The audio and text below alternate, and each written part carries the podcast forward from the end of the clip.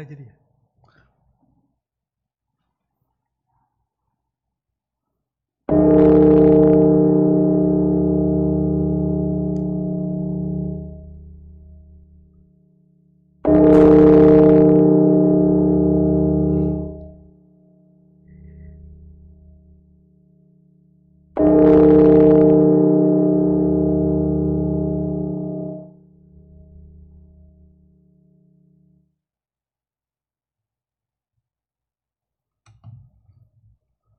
Jemaat yang dikasih Tuhan Yesus Kristus, selamat pagi.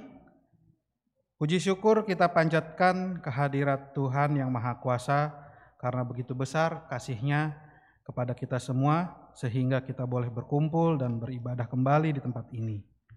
Bagi Bapak, Ibu, Saudara, dan Saudari yang baru pertama kali mengikuti kanal YouTube ibadah live streaming GKI Sarwa Indah, kami mengucapkan selamat datang dan selamat bergabung dalam persekutuan DGKI Sarwa Indah. Pokok-pokok warta untuk hari ini adalah sebagai berikut. Kebaktian umum live streaming Minggu Palma dan pelayanan peneguhan penatua atas diri penatua Dedi Rustam Simanjuntak dan pelantikan BPHMJ tahun 2020 atas diri Ibu Gloria Anastasia Febrianti pada pagi hari ini dilayani oleh Pendeta Agus Wijaya GK, adalah pendeta konsulen GKI Sarwa Indah. Yang kedua, pokok warta pada hari ini adalah kebaktian remaja akan diadakan pada hari ini Minggu 28 Maret 2021 waktu pukul 18 dengan PF Penatua Jojor Sri Rejeki Tobing Majelis pendampingnya oleh Penatua Dedi Rustam Simanjuntak. Info yang ketiga adalah kelas katekisasi. Sebagaimana telah disampaikan dalam PM, PMJ, kelas katekisasi telah berakhir dan dilanjutkan dengan katekisan mengambil bagian dalam pelayanan empat kali hari Minggu. Percakapan dan evaluasi akan dilaksanakan hari Minggu 25 April 2021 Mohon perhatian kelas katekis, peserta kelas katekisasi. Yang keempat, Komisi Peribadatan dan Persekutuan. PA melalui Zoom pada hari Kamis 1 April 2021 akan diliburkan karena bersamaan dengan kegiatan masa raya Paskah. Yang kelima, persekutuan doa pagi pada hari Sabtu 3 April 2021 juga akan diliburkan karena bersamaan dengan kegiatan masa raya Paskah. Yang keenam, agenda ibadah masa Paskah minggu ini. Kebaktian umum live streaming Kamis Putih akan diadakan pada hari Kamis 1 April 2021 pukul 19 dengan tema kerendahan hati kemuliaan kasih. PF oleh Penatua Christian Dewantara, calon pendeta dari GKI Sarwa Indah. Kebaktian umum live streaming Jumat Agung dan pelayanan sakramen perjamuan kudus akan diadakan pada hari Jumat 1 April 2021 waktu pukul 8 pagi dengan tema Mungkinkah Allah telah kalah? Pelayan firman oleh Pak Pendeta Agus Wijaya, Pendeta Konsulen dari GKI Sarwa Indah. Berikutnya, kebaktian umum live streaming Sabtu Sunyi akan diadakan pada hari Sabtu 3 April 2021 waktu pukul 17 dengan tema pengharapan di tengah suka. Pelayan firman oleh Penatua Christian Dewantara dan yang berikutnya adalah kebaktian umum live streaming pasca subuh akan diadakan pada hari Minggu 4 April 2021 pukul 5.30 dengan tema menjadi manusia pasca. Pelayan firman oleh Pak Pendeta Agus Wijaya. Bertempat semuanya di kanal YouTube Ibadah Live Streaming GKI Saro Indah. Mohon perhatian jemaat. Demikian pokok-pokok warta untuk hari ini. Untuk lebih lengkapnya, jemaat dapat membaca di warta jemaat dalam bentuk file PDF. Segenap majelis jemaat mengucapkan selamat beribadah, Tuhan memberkati.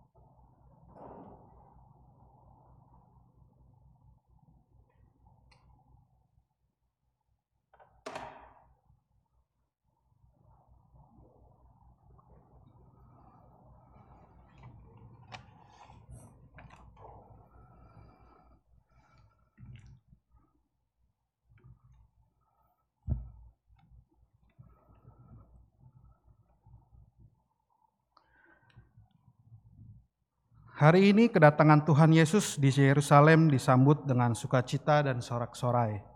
Betapa tidak, penindasan yang begitu lama dirasakan, penderitaan yang begitu berat dialami akan segera berakhir. Hosana, diberkatilah dia yang datang dalam nama Tuhan. Kedatangannya tidak menunggang seekor kuda perang, melainkan seekor keledai muda bukan karpet merah alasnya berjalan, melainkan hanya hamparan kain dan pakaian. Bukan dengan umbul-umbul dan bendera perang ia disambut, melainkan dengan ranting daun palem. Hosana, diberkatilah dia yang datang dalam nama Tuhan. Yang menyambutnya tidaklah sadar bahwa kedatangannya bukanlah untuk menghancurkan, melainkan memulihkan. Kehadirannya bukan untuk membebaskan umat dari keterjajahan politik duniawi, melainkan membebaskan dari kuasa dosa dan maut. Kedatangannya bukanlah untuk mengalahkan, melainkan memberikan keselamatan secara utuh di bumi seperti di sorga. Hosana, selamatkanlah kami sekarang ini. Kami jemaat, kami undang jemaat untuk bangkit berdiri Mari kita merespon ajakan beribadah kita dengan menyanyikan KJ 85 bait pertama, kedua, dan ke-10.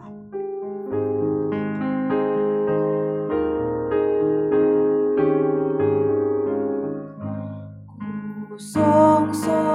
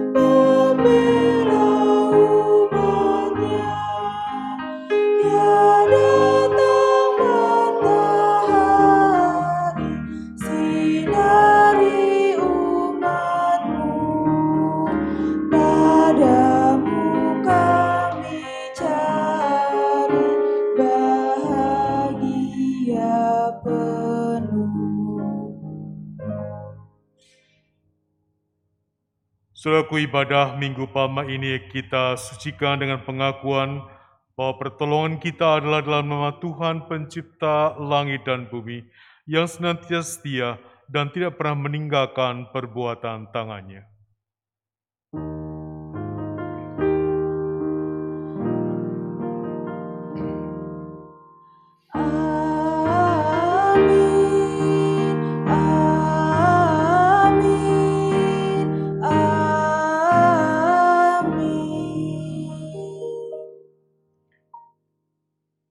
Kasih karunia dari Allah Bapa kita dan dari Tuhan kita Yesus Kristus menyertai saudara sekalian. dan menyertai saudara juga. Silakan duduk.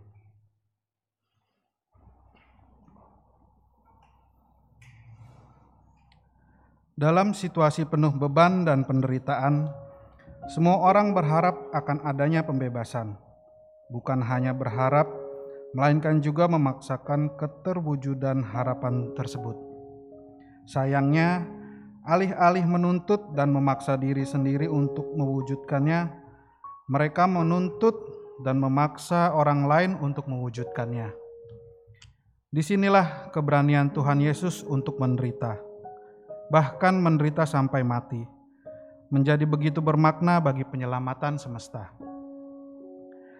Teladan kasih yang begitu nyata telah dilakukan Tuhan Yesus melalui salib, kematian, dan juga kebangkitannya. Bukan hanya keberaniannya menanggung derita, melainkan juga berkorban hidup seutuhnya bagi keselamatan dunia. Sudahkah kita rela menderita dan mewujudkan kasih kepada Tuhan dan sesama? Mari menghadap Tuhan dengan pengakuan akan ketidakberanian kita dan keengganan kita untuk menanggung derita bersama-sama dengan Kristus. Kami pers- saya persilahkan jemaat berdoa terlebih dahulu dan akan ditutup oleh saya.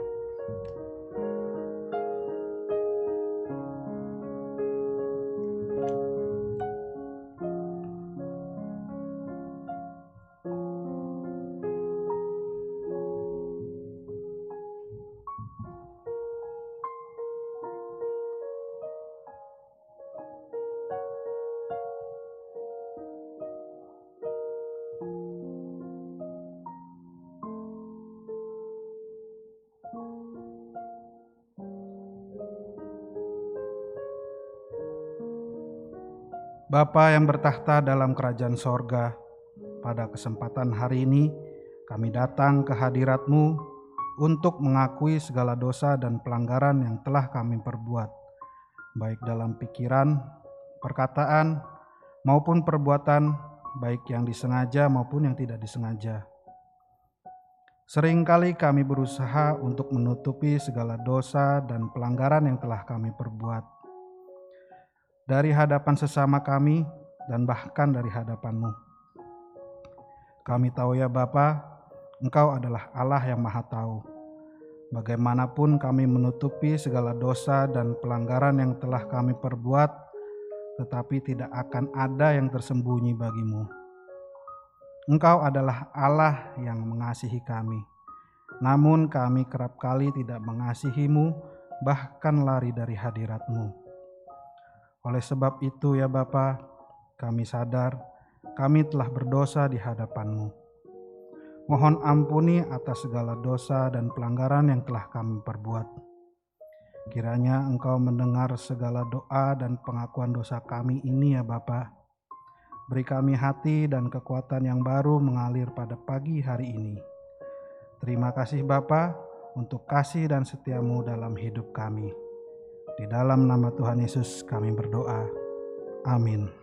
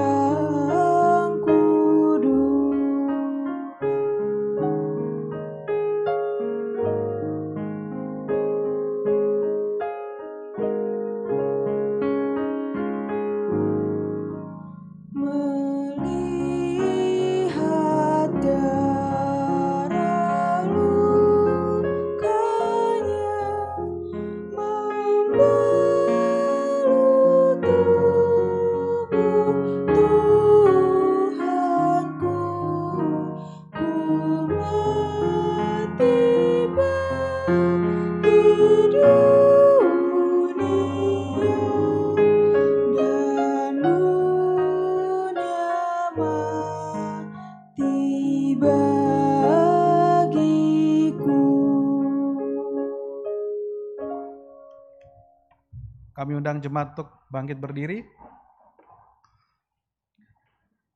Bagi setiap kita yang dengan sungguh-sungguh menyatakan dosa dan penyesalan di hadapan Tuhan, Tuhan berkenan menyatakan anugerah pengampunannya. Berita anugerah terambil dari Filipi 1 ayat 29, sebab kepada kamu dikaruniakan bukan saja untuk percaya kepada Kristus, melainkan juga untuk menderita untuk menderita untuk Dia. Demikianlah berita anugerah dari Tuhan. Syukur kepada Allah.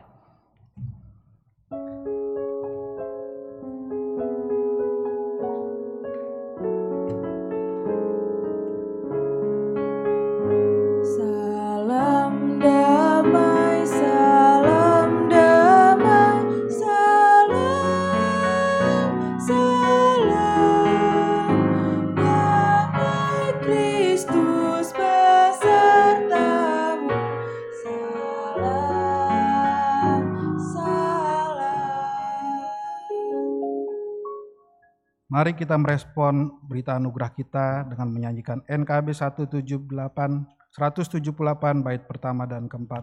Ambil dunia beriku Yesus.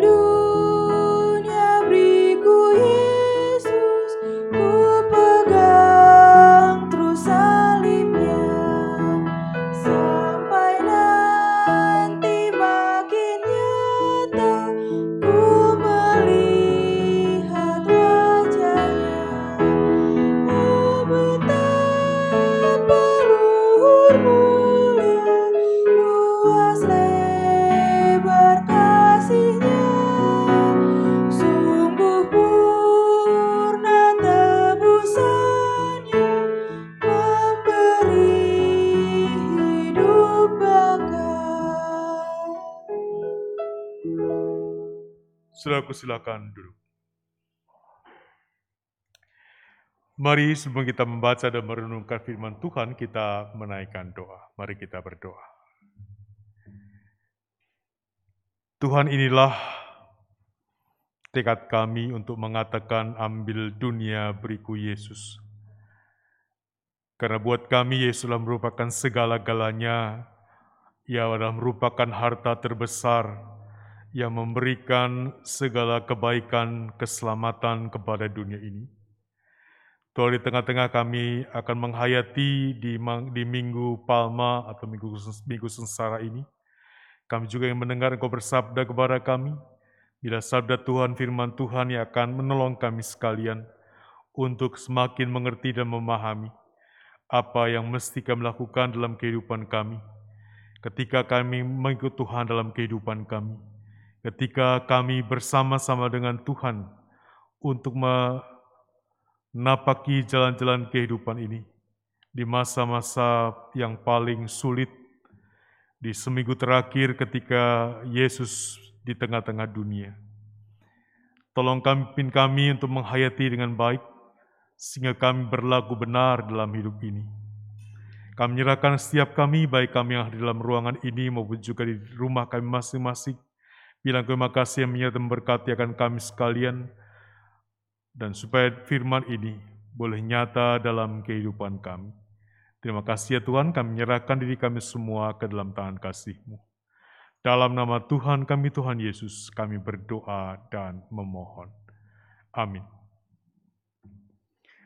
So, bacaan kita pada hari ini diambil dari Injil Markus, Markus pasal 11, ayatnya yang pertama sampai dengan ayatnya yang ke-11. Markus pasal 11 ayat yang pertama sampai dengan ayat yang ke-11. Sebuah perikop yang berjudul Yesus dielulukan di Yerusalem. Markus 11 ayat 1 sampai 11 demikian firman Tuhan.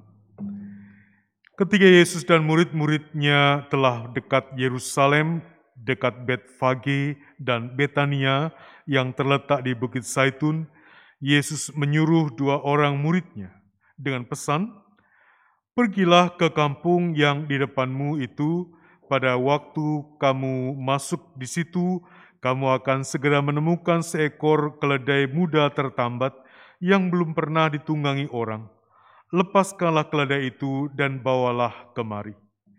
Dan jika ada orang mengatakan kepadamu, mengapa kamu melakukan itu? Jawablah, Tuhan memerlukannya. Ia akan segera mengembalikannya ke sini. Mereka pun pergi dan menemukan seekor keledai muda tertambah di depan pintu di luar, di pinggir jalan, lalu melepaskannya. Dan beberapa orang yang ada di situ berkata kepada mereka, apa maksudnya kamu melepaskan keledai itu? Lalu mereka menjawab seperti yang sudah dikatakan Yesus, maka orang-orang itu membiarkan mereka. Lalu mereka membawa keledai itu kepada Yesus dan mengalasinya dengan pakaian mereka. Kemudian Yesus naik ke atasnya. Banyak orang yang menghamparkan pakaiannya ke di jalan. Ada pula yang menyabarkan ranting-ranting hijau yang mereka ambil dari ladang. Orang-orang yang berjalan di depan orang depan dan mereka yang mengikuti di, dan dari belakang berseru, Hosana, diberkatilah dia yang datang dalam nama Tuhan. Diberkatilah kerajaan yang datang, kerajaan Bapak kita Daud. Hosana di tempat yang maha tinggi. Sesampainya di Yerusalem, ia masuk ke bait Allah. Di sana ia meninjau semuanya. Tetapi sebab hari sudah hampir malam, ia keluar ke Betania, bersama dengan kedua belas muridnya. Saudaraku demikianlah Injil Yesus Kristus berbagilah setiap mereka yang mendengar firman Allah dan yang memeliharanya dalam kehidupan sehari-hari. Hosiana.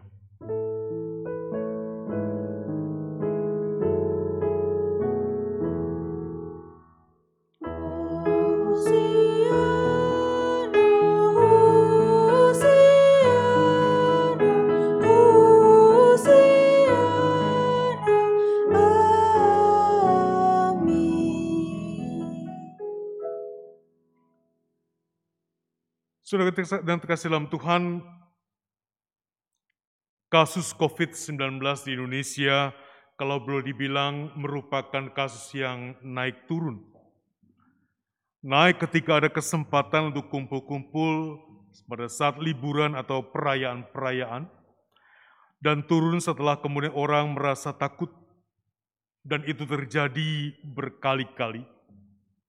Dan nampaknya itulah yang kemudian mendasari Kenapa kemudian liburan itu kemudian ditiadakan? Mudik itu ditiadakan. COVID-19 sudah setahun dan vaksin mulai diberikan. Pertanyaan setelah vaksin diberikan apa yang kita lakukan? Akankah kita kemudian lalai dan abai lagi untuk tetap melakukan protokol kesehatan sehingga kemudian kasus COVID-19 kembali naik? Yang kasih Tuhan, pandemi ini memang tidak enak. Tidak ada yang suka. Tidak ada yang senang dengan itu semua. Semua orang merasa bosan. Semua orang merasa bahwa sudah tidak bisa menikmati lagi. Mungkin di tiga bulan pertama kita senang. Tapi setelah itu kemudian kita merasakan bosan untuk tetap bekerja, belajar, dan ibadah di rumah saja. Sudah keterangan Tuhan, akankah kita masih tahan dan berani menderita? Akankah kita masih tahan untuk kemudian tetap memakai masker, mencuci tangan, lebih sering dari biasanya, dan kemudian juga menjaga jarak kita. Saudara kita dalam Tuhan, akankah kita tetap berani dan tahan menderita demi kehidupan kita, demi orang-orang di sekitar kita, dan demi seluruh bangsa ini? Saudaraku, hari ini kita memasuki minggu sengsara atau minggu palma. Minggu dengan dua makna dalam satu peristiwa. Minggu yang menyatakan dua hal dalam kehidupan kita. Bacaan di hari ini mengisahkan bagaimana Yesus dimuliakan oleh orang banyak ketika ia memasuki kota Yerusalem. Ketika ia mempersiapkan keledai yang belum pernah dinaiki orang, dan kemudian dua muridnya kemudian mempersiapkan semuanya, mengalasinya dengan pakaian mereka, dan kemudian Yesus kemudian naik di atasnya, mengendarainya. Ada dua makna yang boleh kita lihat dalam apa yang merupakan bagian bacaan kita hari ini masuknya Yesus ke dalam kota Yerusalem. Yang pertama yang mau diingatkan kepada kita adalah dia adalah merupakan raja yang membawa damai. Seorang seorang raja yang menunggang keledai muda. Dia bukan menunggang kuda tanda kekuatan dan keperkasaan. Dia menunggang keledai lambang damai kelemah lembutan dan damai sejahtera. Karena dialah yang ditentukan sebagai Mesias seperti yang dibuatkan dalam kitab Sakaria pasal 9 ayat 9 sampai dengan ayatnya yang ke-10. Mesias yang datang dengan kelemah kelembutan.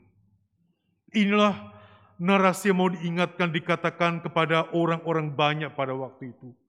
Keledai adalah merupakan lambang datangnya Raja Damai yang membawa kedamaian, yang membawa kebaikan bagi umat bagi orang-orang.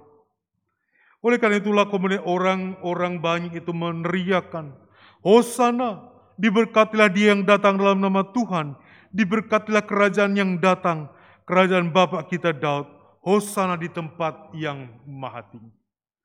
Sudah kita dalam Tuhan, pernyataan ini, sambutan yang luar biasa ini merupakan suatu kerinduan dari orang-orang Israel, dari umat Israel suatu pengharapan dari umat Israel. Mereka sudah demikian lama berada dalam penjajahan bangsa Romawi. Mereka yang sudah demikian lama mengalami penderitaan-penderitaan di bawah kekuasaan orang-orang lain. Hadirnya Yesus kemudian yang masuk dan kemudian ke kota Yerusalem. Dan ia mengendarai keledai itulah yang menjadikan mereka berpengharapan kembali, yang menjadikan mereka meluap pengharapan mereka kembali untuk kemudian sang raja dama itu akan membebaskan mereka dari segala penjajahan yang selama ini mereka alami. Sudah kita salam Tuhan, bagaimana dengan kita ketika kita ingat bahwa dia merupakan Raja Damai buat kita. Bagaimana dengan kita ketika kita kemudian sebagai orang-orang yang berdosa ini, kemudian kepada kita diingatkan bahwa dia merupakan Raja Damai. Ia akan membawa kedamaian kepada kita dalam hidup ini. Ia akan menghapus segala dosa-dosa dan kesalahan kita. Bukankah sukacita yang meluap inilah yang juga perlu ada dalam kehidupan kita. Hal yang kedua yang perlu kemudian kita ingat ketika kita menyaksikan, mengenang kembali, mengingat kembali kedatangan Tuhan Yesus di kota Yerusalem dengan mendengar dari keledai adalah ia adalah hamba, hamba Tuhan yang taat dan setia. Sudah kita Tuhan, Yesus tahu masuk ke kota Yerusalem berarti semakin mendekatkan dia kepada penderitaan yang akan ia alami. Masuk ke kota Yerusalem adalah merupakan bagian di mana ia akan menghadapi hari-hari masa-masa yang sulit dalam kehidupannya. Ia akan mengalami penderitaan, ia akan mengalami sengsara, ia akan mengalami pengkhianatan, ia akan menyangkal, mengalami penyangkalan, ia akan mengalami disiksa dan disalibkan. Ia tahu semuanya itu. Namun dengan teguh ia memasuki kota Yerusalem. Dengan kuat dan teguh ia kemudian memasuki kota itu. Dan di sinilah kita diberitakan kepada kita bagaimana ia, sang Raja Damai, yang akan mengalami penderitaan itu dengan teguh memasuki kota Yerusalem. Saudara kita Tuhan mengenang akan itu semua, melihat dua hal itu. Ialah merupakan Raja Damai yang datang untuk memberikan keselamatan kepada kita. Ia adalah merupakan sang hamba yang dengan taat memasuki kota Yerusalem ketika ia memandang akan segala penderitaan tanpa takut, tanpa cemas. Tapi ia dengan teguh memasuki kota itu dan kemudian menghadapinya.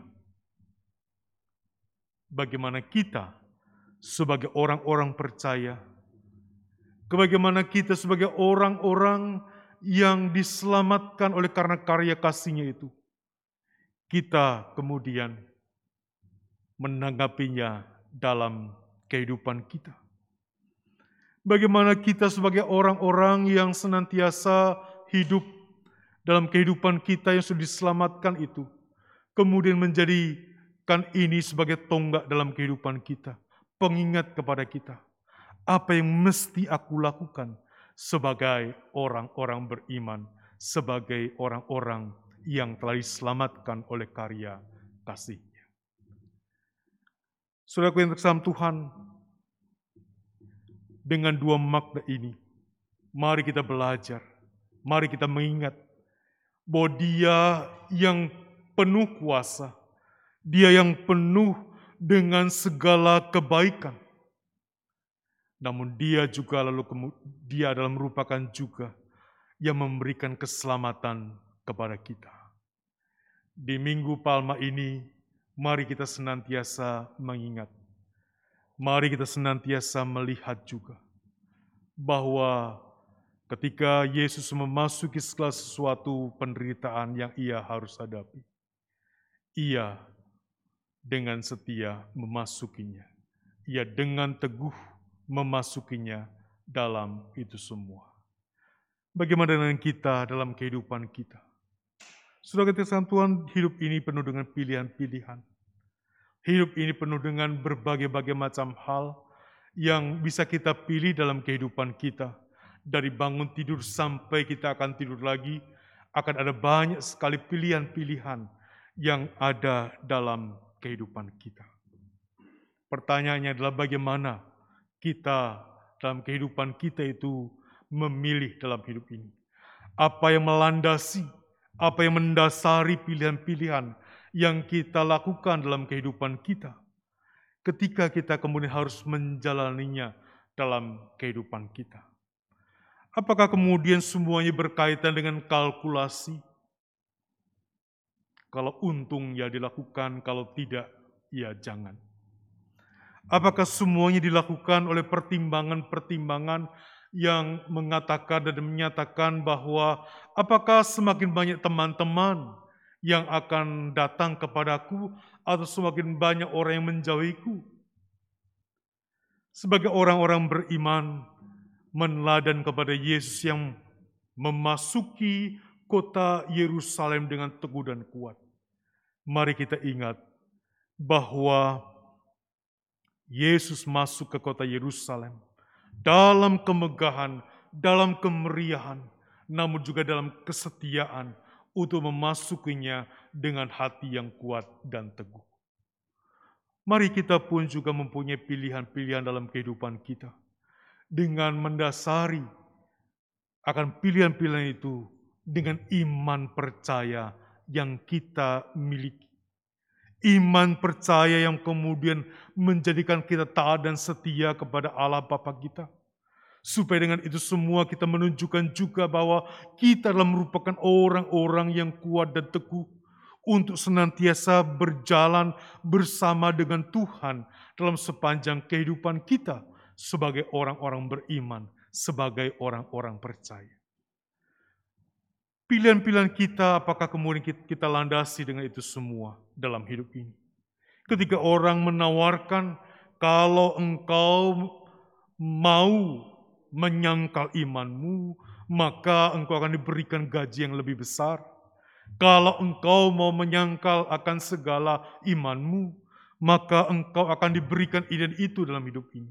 Ketika semuanya ditawarkan kepada kita di tengah-tengah dunia, akankah kita tetap memilih untuk tetap berpegang kepada iman percaya kita kepada Tuhan. Saudara kita Tuhan, kesetiaan itulah, ketaatan itulah, tetap teguh beriman kepada Tuhan itulah yang patut merupakan bagian yang ada dalam kehidupan kita sebagai orang-orang beriman, sebagai orang-orang percaya. Hari ini kita akan menyaksikan dua orang saudara kita. Satu orang akan diteguhkan sebagai seorang penatua dan satu lagi akan diteguh akan dilantik sebagai BPHMJ, Badan Pemeriksa Harta Milik Jemaat. Dua jabatan yang menurut saya tidak selalu mudah, bahkan sering kali memerlukan pengorbanan, pengorbanan waktu, tenaga, pikiran, bahkan juga sering kali perasaan di dalam kehidupan kita. Pelayan yang kalau kita pakai hitung-hitungan dagang, pasti rugi. Kalau dihitung dengan hitungan dagang, pasti tidak akan pernah untung. Karena itu, karena itu mari kita kemudian melihat itu bukan dengan itu semua. Mari itu kita lihat dalam segala pelayan kita, baik saudara yang akan, akan diteguhkan sebagai penatua maupun yang akan dilantik sebagai BPHMJ. Mari kita melihat itu sebagai bagian dari bagian kehidupan kita di mana kita mau mengucapkan syukur kepada Tuhan. Demikian juga ketika kita mendapatkan berbagai-bagai macam jabatan dalam kehidupan kita. Ketika kita kemudian juga mendapatkan berbagai-bagai macam pekerjaan dalam kehidupan kita Ketika kita kemudian melakukan berbagai macam dalam hidup ini, mari kita melandasinya sebagai ucapan syukur kita kepada Tuhan, bahwa Tuhan sudah memberikan segalanya kepada kita, bahkan untuk keselamatan kita. Dia sudah memberikan nyawanya untuk menjadi tebusan bagi kita. Dia yang memasuki kota Yerusalem dengan teguh dan kuat itulah yang memberikan segala kebaikan dalam kehidupan ini.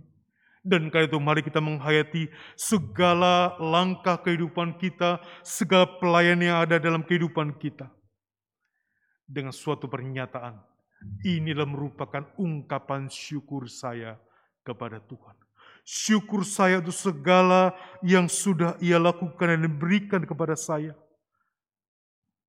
Sebagaimana Yesus menghadapi semuanya dengan kuat dan teguh Mari kita pun sebagai orang-orang beriman dalam berbagai-bagai macam profesi kita dan dalam pelayanan kita senantiasa kuat dan teguh dalam hidup ini.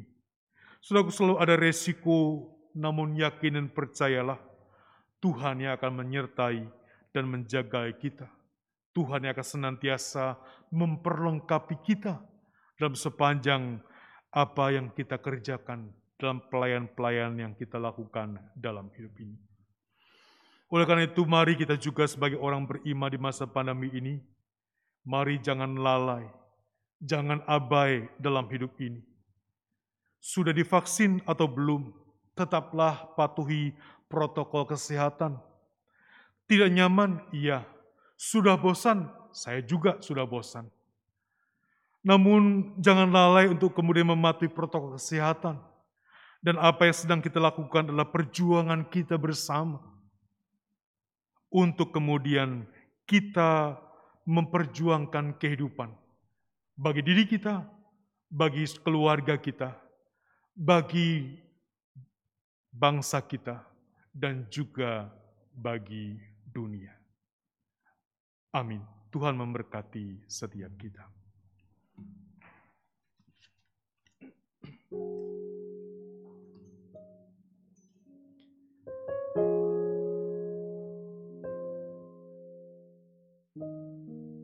Sembahan pujian.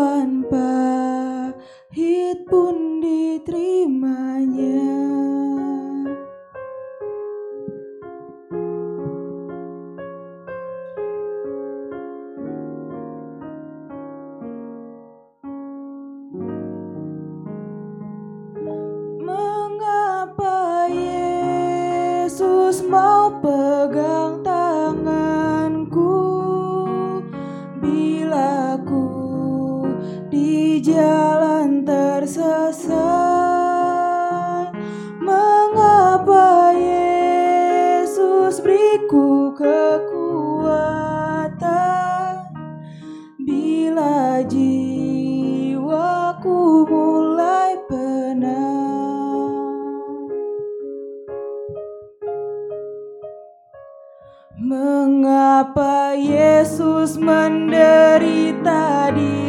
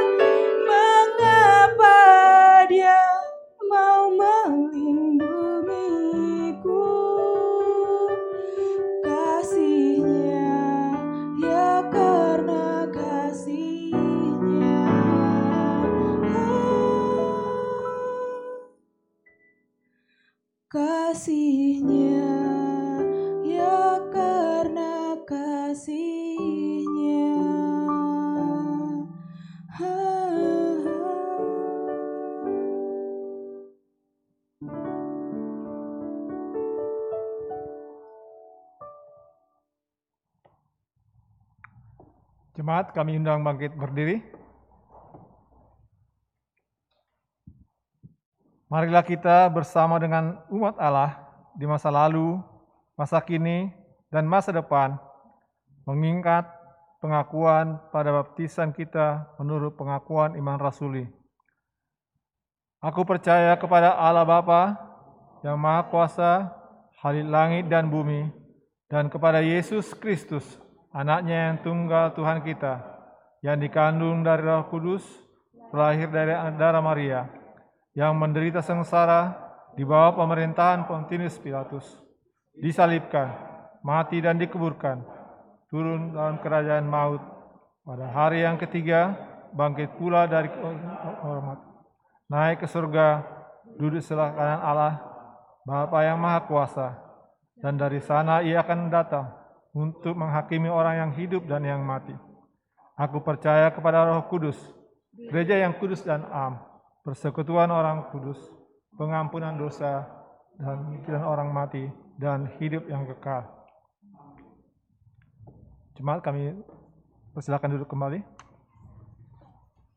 Kembali kita memasuki pelayanan peneguhan penatua dan pelantikan badan pekerja dan memeriksa harta milik jemaat. Kita datang ke hadapan Allah Bapa yang Maha Kasih dan Maha Murah untuk menyelenggarakan peneguhan penatua dan pelantikan BPHMJ sebagai pelayan dan pemimpin dalam gereja Tuhan. Kristus sebagai kepala gereja sepanjang zaman telah memanggil setiap orang percaya, laki-laki dan perempuan, untuk melayani gereja. Roh Kudus menolong semua orang percaya memahami dan menghayati panggilan mereka. Melaksanakan misi gereja dengan mewujudkan persekutuan serta melaksanakan kesaksian dan pelayanan dalam konteks masyarakat, bangsa, dan negara di mana gereja berada. Agar terwujud keesaan gereja dan kesejahteraan umat manusia, yaitu keadilan, perdamaian, dan keutuhan ciptaan. GKI berada dalam suatu tradisi di mana Allah memanggil dan memberdayakan para pendeta dan penatua untuk memimpin gereja dalam menjalankan misinya di tengah dunia sebagai peran serta gereja dalam misi Allah. Sebab itulah kita telah bersama-sama menjadi proses pergumulan sehingga pada hari ini kita akan melaksanakan peneguhan penatua. Para penatua dipanggil untuk pembangunan tubuh Kristus. Mereka membangun jemaat dalam iman, pengharapan, dan kasih mereka mendorong dan memimpin jemaat melaksanakan misi gereja sebagai peran serta dalam perwujudan misi Allah.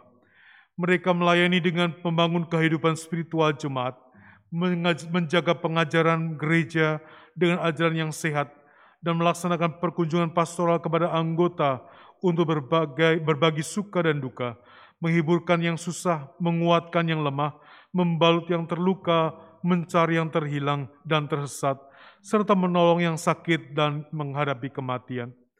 Mereka menjadi teladan dalam iman, berjuang untuk perdamaian keadilan dan keutuhan ciptaan, berjuang untuk keesaan gereja dan keesaan umat manusia, serta berjuang menantikan pengenapan kerajaan Allah. Selain itu, pada hakikatnya Allah lah pelaku utama dalam pembangunan gereja.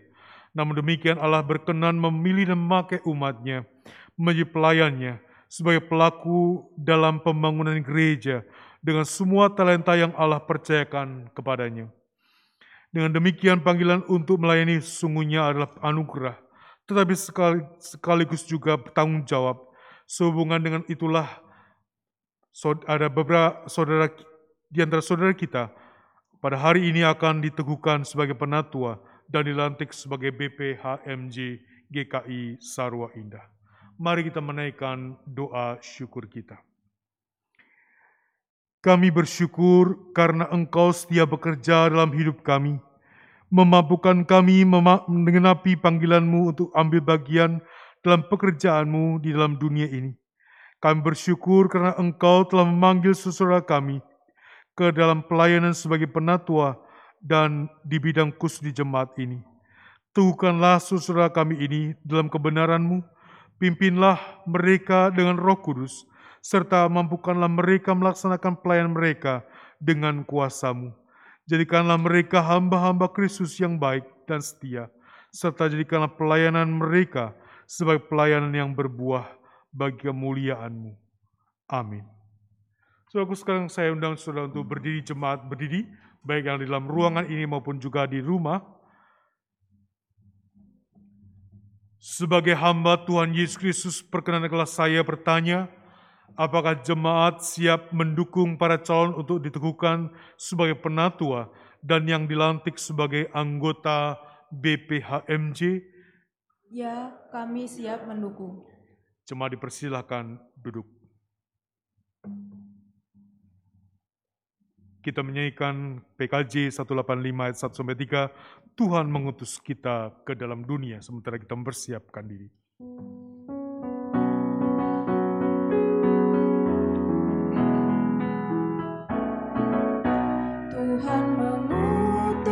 kita ke dalam dunia Bawa pelita kepada yang gelap. Meski dihina serta dilanda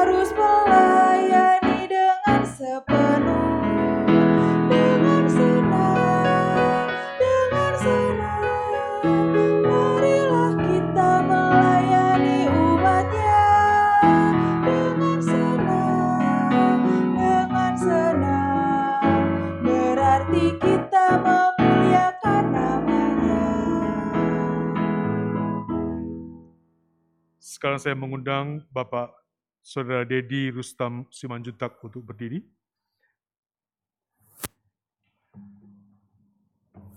Saudara Dedi Rustam Simanjuntak sebagai calon penatua, sekarang saya ingin mengajukan beberapa pertanyaan kepada saudara.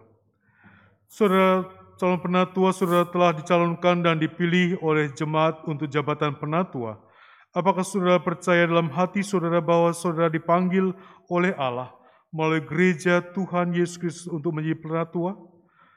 Apakah saudara percaya bahwa Alkitab Perjanjian Lama dan Perjanjian Baru adalah firman Allah yang menunjukkan jalan keselamatan di dalam Tuhan Yesus Kristus dan karena itu saudara akan menjaga jemaat dari segala pengajaran yang bertentangan dengan kebenaran Alkitab?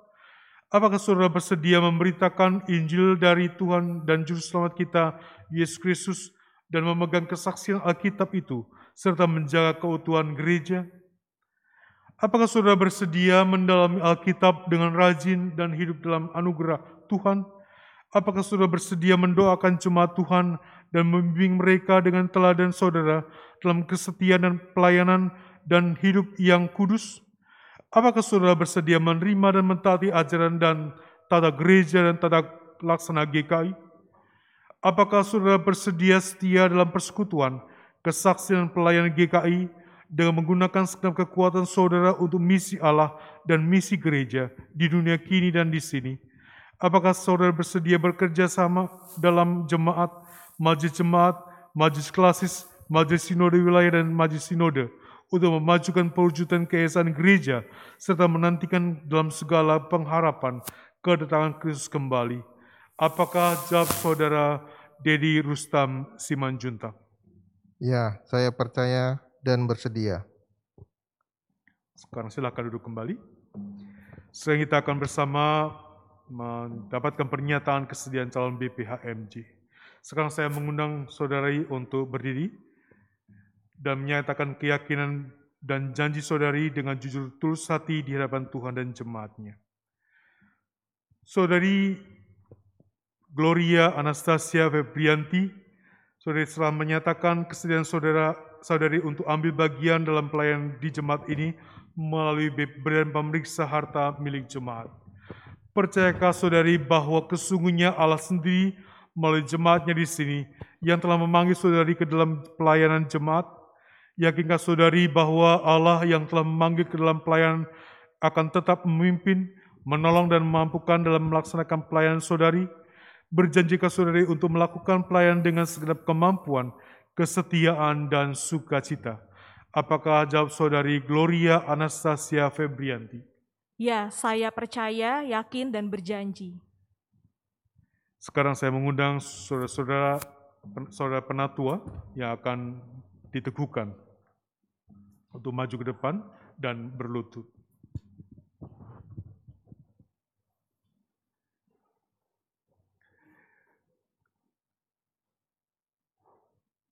Selaku hamba Tuhan Yesus Kristus, saya meneguhkan saudara dalam jabatan penatua dalam nama Bapa, Anak, dan Roh Kudus.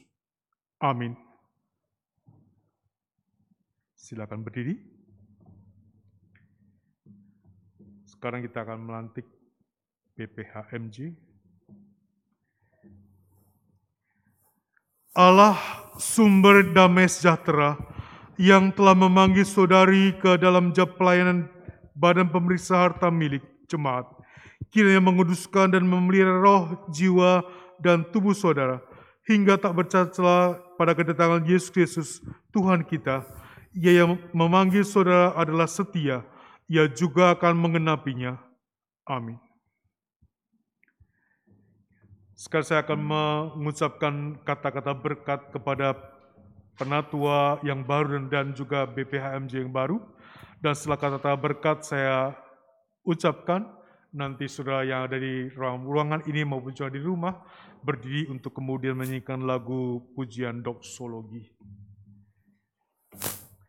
Terimalah berkat Tuhan, Allah yang Maha Kasih dan Maha Kuasa, Bapa Tuhan Yesus Kristus kiranya melengkapi saudara dengan kuasa roh kudus dalam mengembalakan jemaat Tuhan dan mengerjakan tugas pelayan di bidang khusus dalam jemaat yang telah ditebus oleh darah dan nyawa Kristus. Dan Allah yang maha murah dan penuh anugerah memberi saudara dengan karunia dan kuasa untuk melayankan firman, penggembalaan, dan pembangunan jemaat. Amin.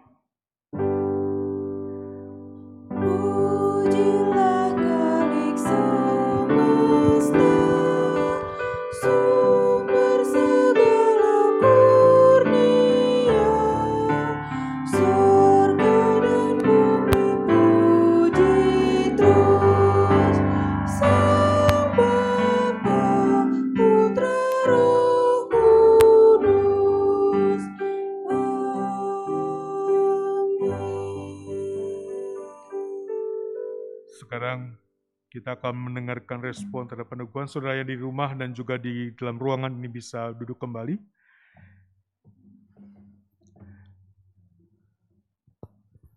Saud- Saudara Penatua dari Rustam Simanjutak, Gereja Kristen Indonesia siap mendengar ikrar saudara untuk tugas pelayanan GKI pada basis jemaat di jemaat ini maupun dalam lingkup-lingkup klasis Sinode Wilayah dan Sinode GKI. Dan Roh Kudus, saya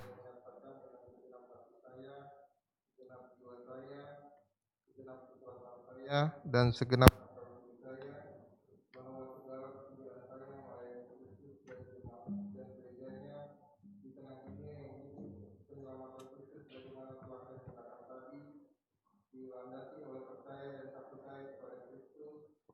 yang dikuatkan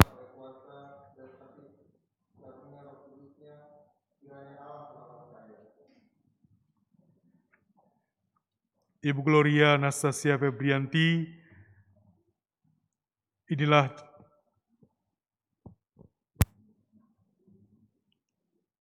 inilah jemaat Tuhan yang menantikan pelayan saudari. Karena itu berdirilah teguh, jangan goyah dan giatlah selalu dalam pelayan pekerjaan Tuhan, sebab kamu tahu bahwa dalam persekutuan dengan Tuhan, jerih payahmu tidak sia-sia.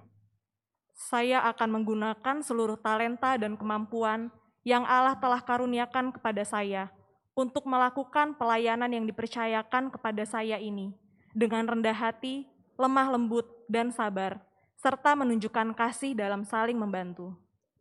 Sekarang saya undang untuk jemaat berdiri sekalian. Jemaat yang dikasih Tuhan, apakah saudara siap menerima dan mendukung para pelayan yang baru ini? Dalam nama Bapa, Anak, dan Roh Kudus, kami menerima mereka. Kami berjanji memberi dukungan, kasih, dan doa kepada mereka yang hidup dan bekerja di antara kami, menjadi pemimpin yang melayani, agar jemaat Tuhan terpelihara dalam kasih, iman, dan pengharapan. Dan kami juga menyambut mereka para pelayan yang baru dan akan mendukung serta bekerja sama dengan mereka dengan sungguh-sungguh dalam kasih. Ya, Tuhan memberkati setiap kita. Silakan duduk kembali.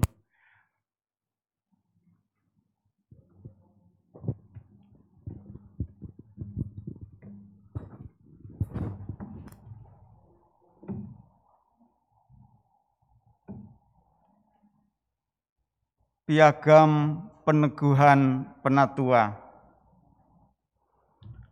Nomor 3, garis miring MJ, GKI SI, garis miring P, garis miring Romawi 3, garis miring 2021.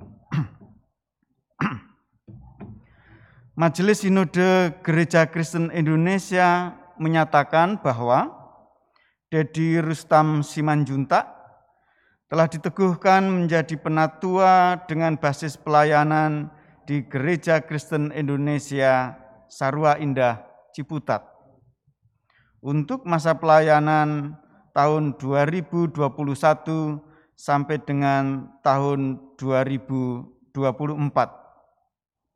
Dalam kebaktian hari ini Minggu 28 Maret 2021 pukul 8 waktu Indonesia bagian Barat di Jemaat Gereja Kristen Indonesia Sarwa Indah, Jalan Vinka, Kafling 531, Bukit Nusa Indah, Sarwa Ciputat, 15414, dilayani oleh Pendeta Agus Wijaya.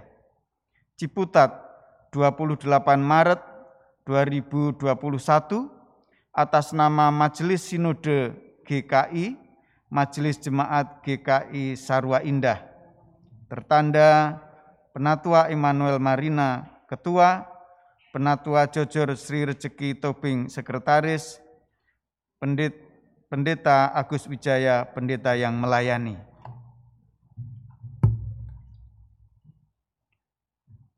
Surat pengangkatan nomor 37 garis miring MJ GKI SI garis miring Romawi 3 garis miring 2021.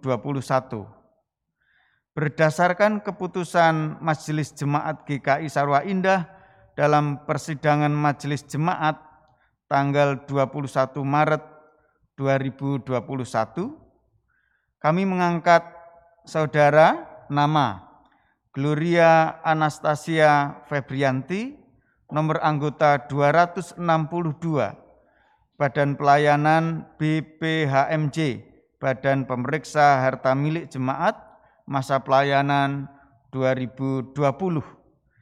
Kiranya Roh Kudus memperlengkapi saudara untuk melaksanakan tugas panggilan ini. Ciputat 28 Maret 2021 Majelis Jemaat GKI Sarwa Indah tertanda Penatua Emmanuel Marino, Penatua Jojor Sri Rezeki Tobing.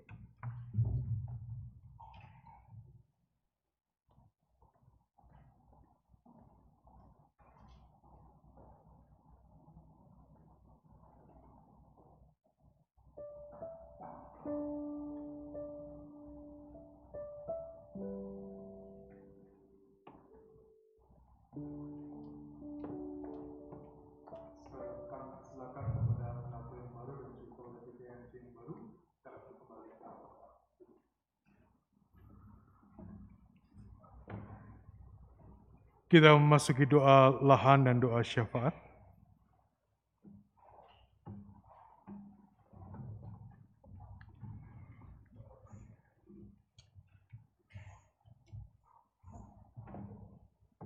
Mari kita bersatu dalam doa. Puji dan syukur kami panjatkan kehadiratmu yang Tuhan. Engkau begitu baik Tuhan kepada kami. Pada pagi ini Tuhan, kami memohon kehadirat-Mu,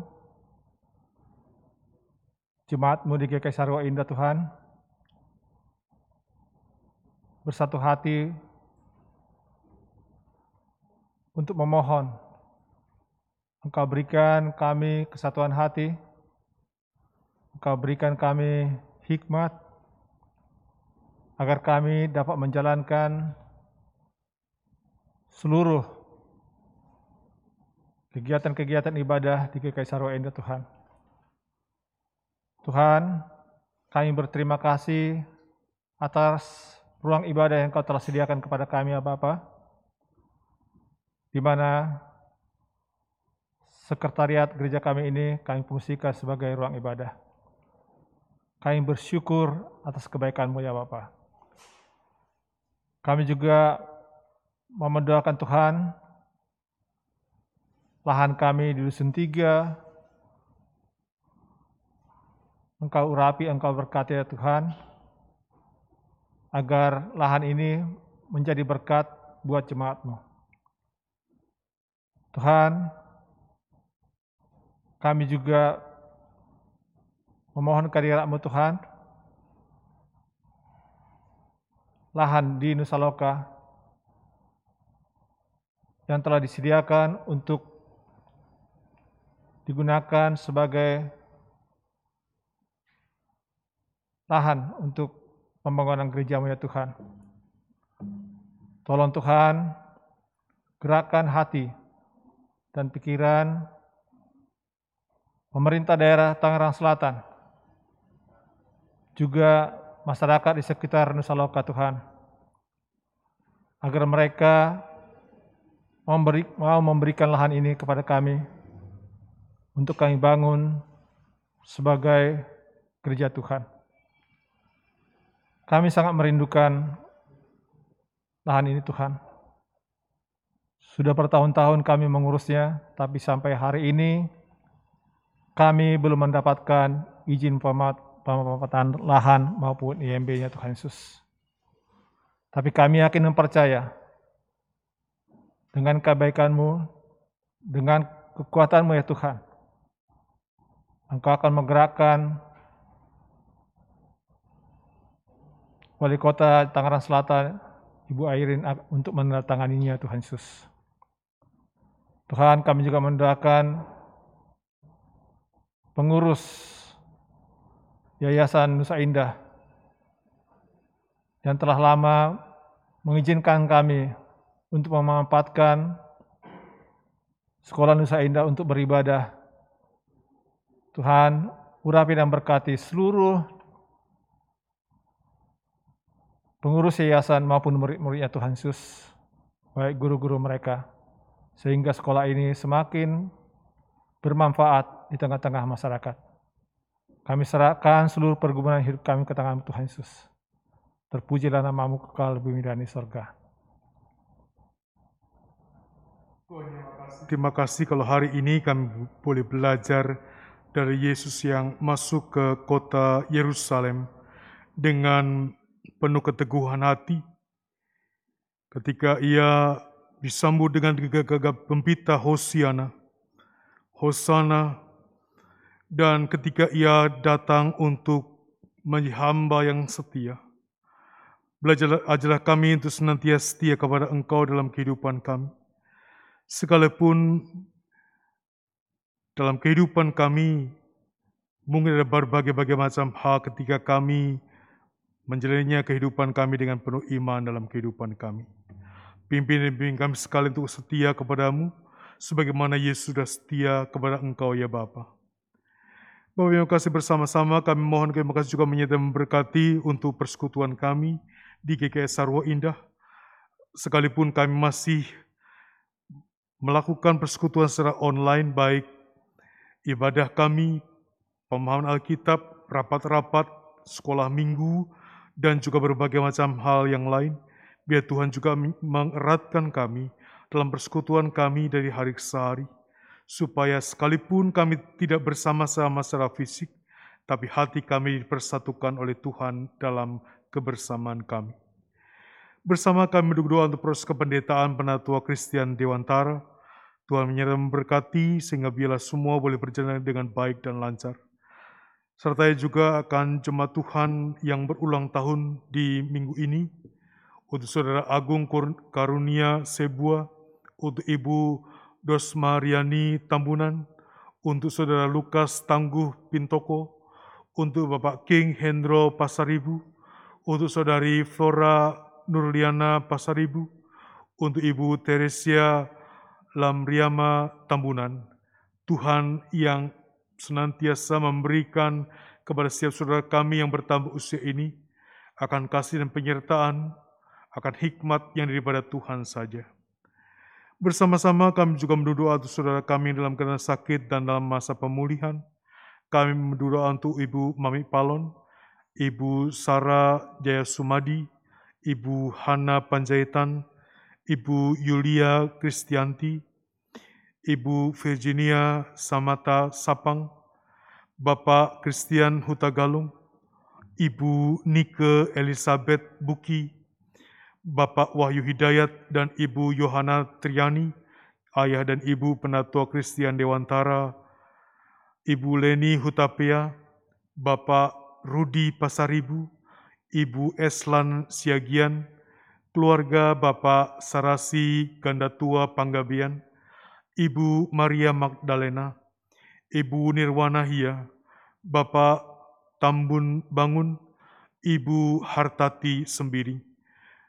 Tuhan dengan tanganmu yang penuh kuasa, bila engkau menjamah setiap saudara kami dengan sakit yang mereka alami dalam masa proses kesembuhan yang mereka jalani, biar karya tangan kasih Tuhanlah yang memberikan kesembuhan kepada setiap saudara kami sesuai dengan waktu Tuhan. Bersama-sama kami juga mendoa untuk setiap kami yang datang dalam ibadah ini, dalam pergumulan-pergumulan yang kami alami dalam kehidupan kami, pergumulan tentang pekerjaan, khususnya kami di masa pandemi ini, ya Tuhan yang juga memberikan kepada kami pekerjaan dan juga berkat-berkat melalui pekerjaan ini. Kami berdoa untuk pasangan hid- saudara kami yang juga membutuhkan pasangan hidup. Tuhan yang senantiasa memberikan kepada setiap saudara kami dalam pergumulan mereka untuk mendapat- mendapatkan pasangan hidup. Untuk mereka mengharapkan akan kehadiran anak dalam kehidupan keluarga mereka. Tuhan juga kalau ada di antara kami yang sedang bergumul dalam kehidupan rumah tangga kami, biar Tuhan senantiasa memberikan peneguhan penguatan dalam setiap pergumulan-pergumulan yang kami alami. Tuhan ada dan hadir dalam setiap itu semua. Bapak yang kasih kami juga memohon, kami kasih juga menyertai memberkati kalau nanti hari tanggal hari Jumat Agung pada tanggal 2 April yang akan datang. Kami juga akan merayakan perjamuan kudus bersama dengan anak-anak. Tuhan mempersiapkan akan kami dan anak-anak kami supaya kami boleh menikmati dengan penuh syukur akan makan roti dan cawan perjamuan Tuhan. Untuk kami boleh kembali mengenang akan karya kasih Tuhan dalam kematian dan kebangkitan bagi kami, bagi kehidupan kami. Bapak kami juga berdoa untuk bangsa dan negara kami. Biar Tuhan yang senantiasa memberkati, menyertai akan para pemimpin kami, sehingga mereka juga boleh senantiasa diberikan hikmat oleh Tuhan untuk memimpin bangsa ini dengan baik, untuk mewujudkan akan kehidupan bangsa dan negara kami yang adil dan bijaksana. Biar Tuhan yang makasih yang memberkati dan menyertainya senantiasa. Bapak yang kasih bersama-sama kami juga memohon engkau yang juga menyertai ketika kami mengalami akan masa pandemi ini. Bila kami terus mendukung doa untuk, sema- untuk semuanya boleh segera berakhir. Sehingga kami boleh melakukan segala yang baik dalam kehidupan kami dengan kenormalan yang baru. Kami juga memohon terima kasih juga menyertai memberkati kami dalam kehidupan kami selama sepekan yang akan datang. Serta dan berkati akan setiap apa yang kami usahakan, sehingga semuanya boleh merupakan kebaikan buat kami. Kami juga menyerahkan akan kehidupan kami, supaya kami menjadi pe- pelaku-pelaku firman Tuhan dalam kehidupan kami hari lepas hari. Kami menyerahkan doa permohonan kami ini hanya dalam nama Tuhan kami, Tuhan Yesus, yang mengajar kami berdoa. Bapa datanglah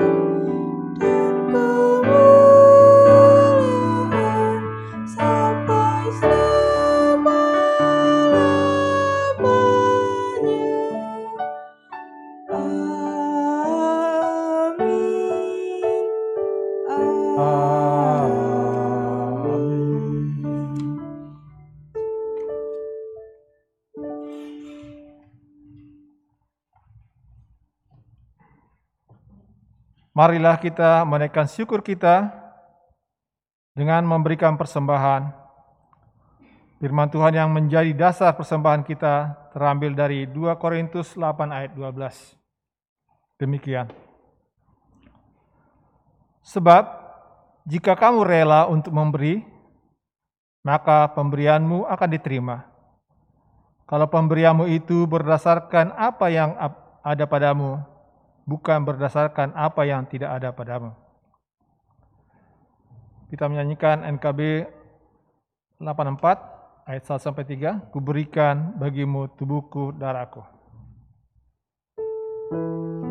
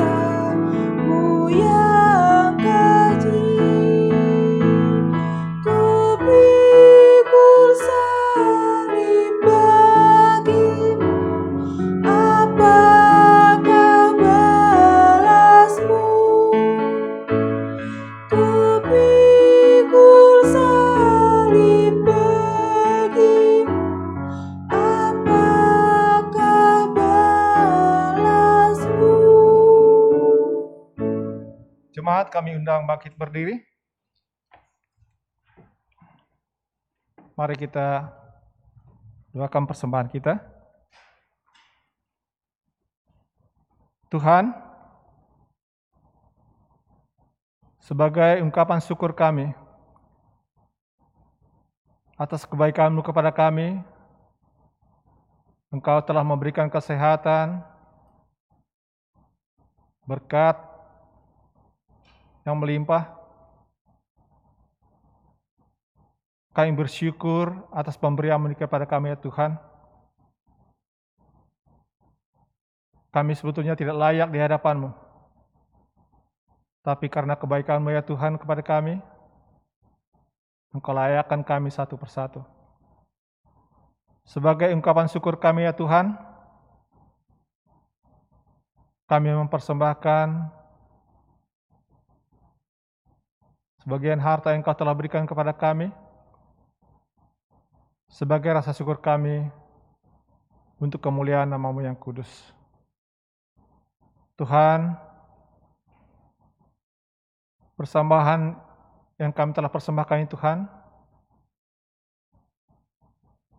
kami memohon kehadirat-Mu, Engkau tuntun, Engkau berkati, Engkau berikan hikmat kepada penatua, komisi-komisi yang akan mengelolanya Tuhan, agar kami dapat mempergunakan persembahan kami ini sesuai dengan kehendak-Mu ya Tuhan, untuk melebarkan kerajaan-Mu di dunia ini. Terima kasih Bapa. Kami berdoa atas nama Yesus Kristus Tuhan kami. Amin.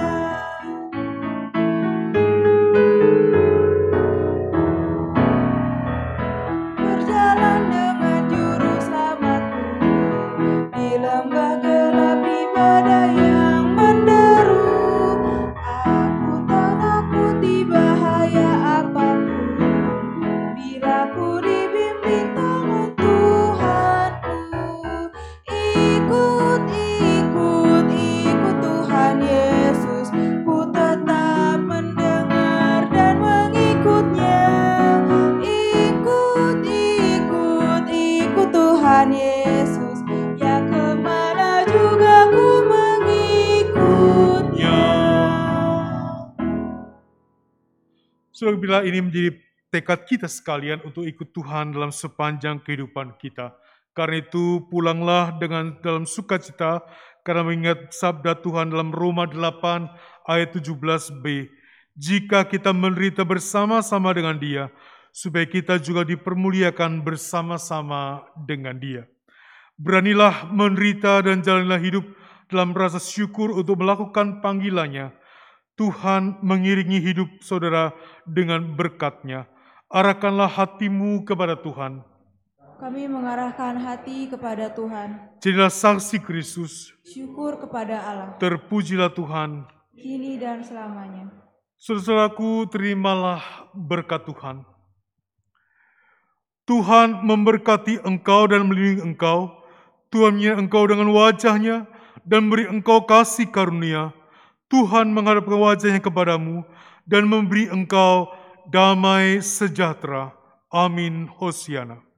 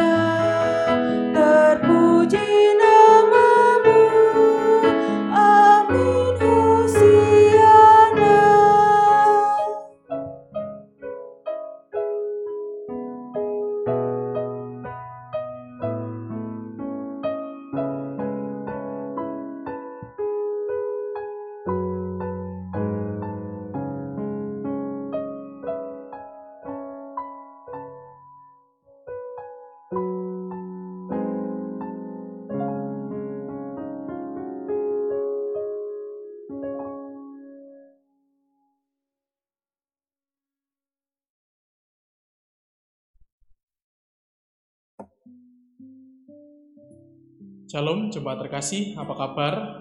Semoga kita dalam kondisi yang sehat. Kita bersyukur bahwa dalam masa pandemi ini kita boleh terus disertai oleh Tuhan. Dan bahkan kita masih dapat beraktivitas walaupun banyak sekali keterbatasan-keterbatasan yang membelenggu kita. Salah satunya tidak terasa kita sudah kurang lebih satu tahun tidak merayakan perjamuan kudus. Karena pandemi ini kita menjadi terhalang untuk merayakannya.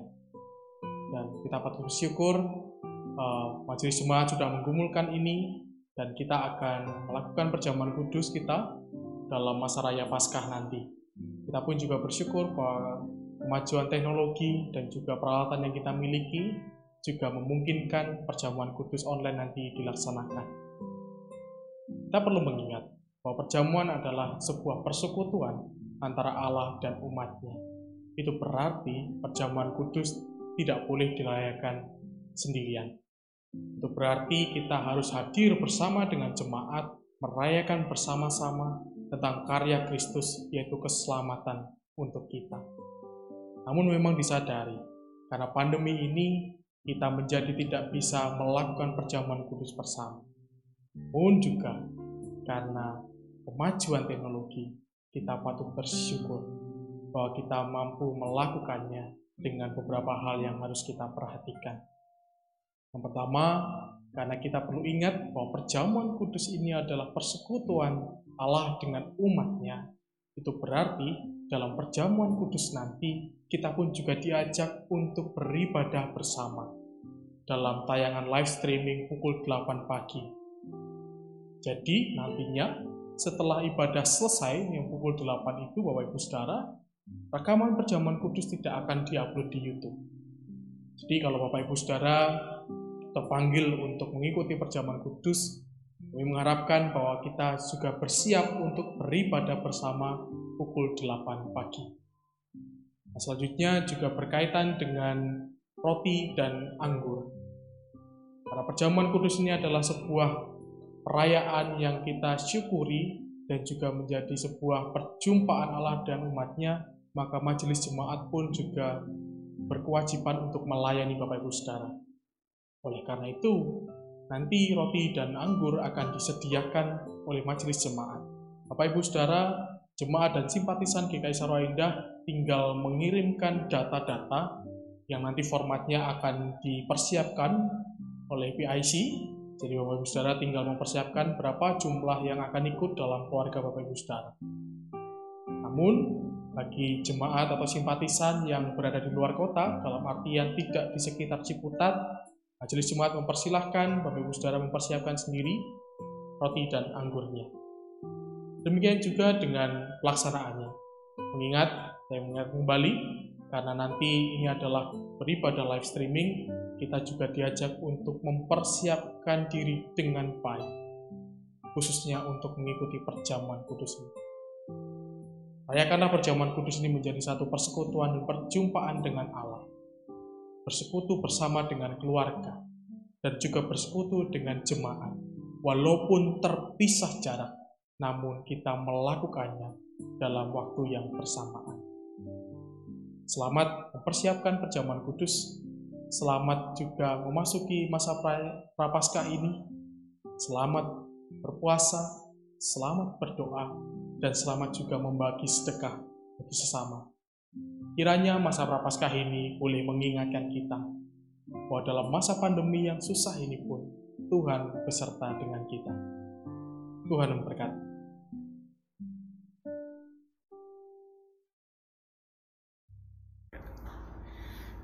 Shalom Bapak Ibu saudara terkasih dalam nama Tuhan.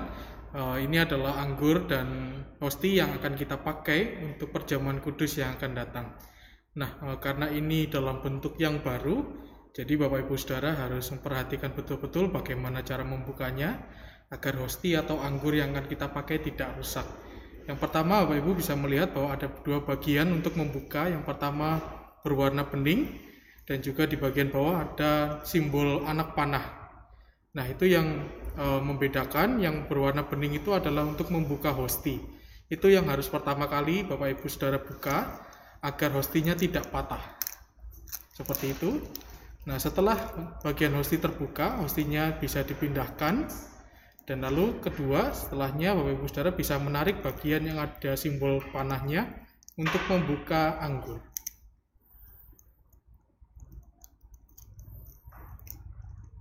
Nah, seperti itu kira-kira. Ini kenapa harus demikian? Kalau tidak atau terbalik, nanti hostinya bisa patah. Dan begitulah kira-kira panduan untuk uh, persiapan perjamuan kudus kita. Selamat mempersiapkan diri. Tuhan memberkati dalam persiapan kita dan kiranya Tuhan senantiasa memberikan damai sejahtera Paskah dalam kehidupan kita. Amin. Teman-teman, jangan lupa ya untuk ikut ibadah Komisi Remaja GKI Sarawak Indah setiap hari Minggu jam 6 sore melalui aplikasi Zoom. Selamat hari Minggu. Selamat hari Minggu. Hari Minggu. Tuhan Yesus memberkati. Memberkati. Ya. Halo, selamat pagi jemaat GKISI. Kami dari Komdes baru saja mengikuti persekutuan melalui virtual Zoom.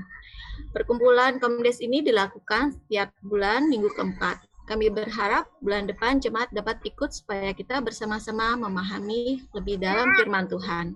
Selamat hari Minggu, Tuhan Yesus memberkati. Selamat hari Minggu. Selamat hari Minggu, Tuhan Yesus memberkati. Yesus memberkati.